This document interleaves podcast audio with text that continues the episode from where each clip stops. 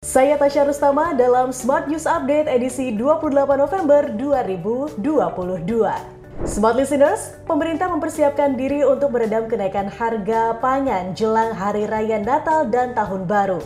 Menteri Koordinator Bidang Perekonomian Erlangga Hartarto mengatakan, untuk meredam kenaikan harga, pemerintah meminta dukungan pemerintah daerah untuk menggunakan dana daerah mendukung keperluan logistik. Hal ini juga merupakan salah satu upaya untuk meredam inflasi di akhir tahun nanti.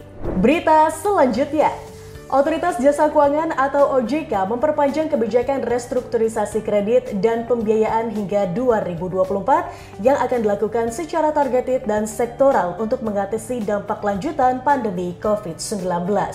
OJK menyebutkan saat ini ketidakpastian ekonomi global tetap tinggi, utamanya disebabkan oleh normalisasi kebijakan ekonomi global oleh Bank Sentral Amerika Serikat The Fed, ketidakpastian ekonomi geopolitik, dan laju inflasi yang tinggi. Perlambatan pertumbuhan ekonomi dunia ke depan tidak terhindarkan, sebagaimana diperkirakan oleh berbagai lembaga internasional.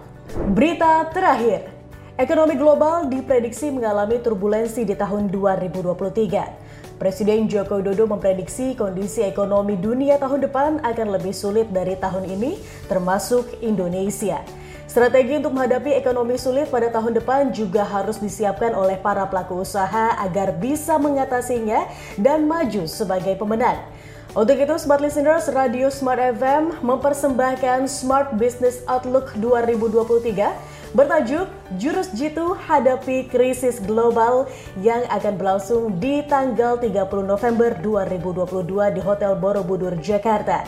Menghadirkan keynote speaker Menko Perekonomian RI Erlangga Hartarto, Menteri Keuangan Republik Indonesia Sri Mulyani Indrawati, dan menghadirkan narasumber lainnya yaitu founder dan ekonom senior Core Indonesia Dr. Hendri Saparini, motivator dan pakar marketing Tungdes semua ringin, Favorite Trainer and Seminar Speakers James Gui, praktisi pasar modal Ryan Filbert dan juga CEO Markbus Inc.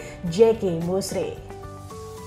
Sekian berita hari ini. Smart News Update didukung oleh Sumarekon Serpong, PT Pegadaian, Isuzu, Bank BCA, iFit, by PT Lapi Laboratories, PT Mandiri Tunas Finance, Samco Health by Samco Pharma, dan Hotel Borobudur, Jakarta.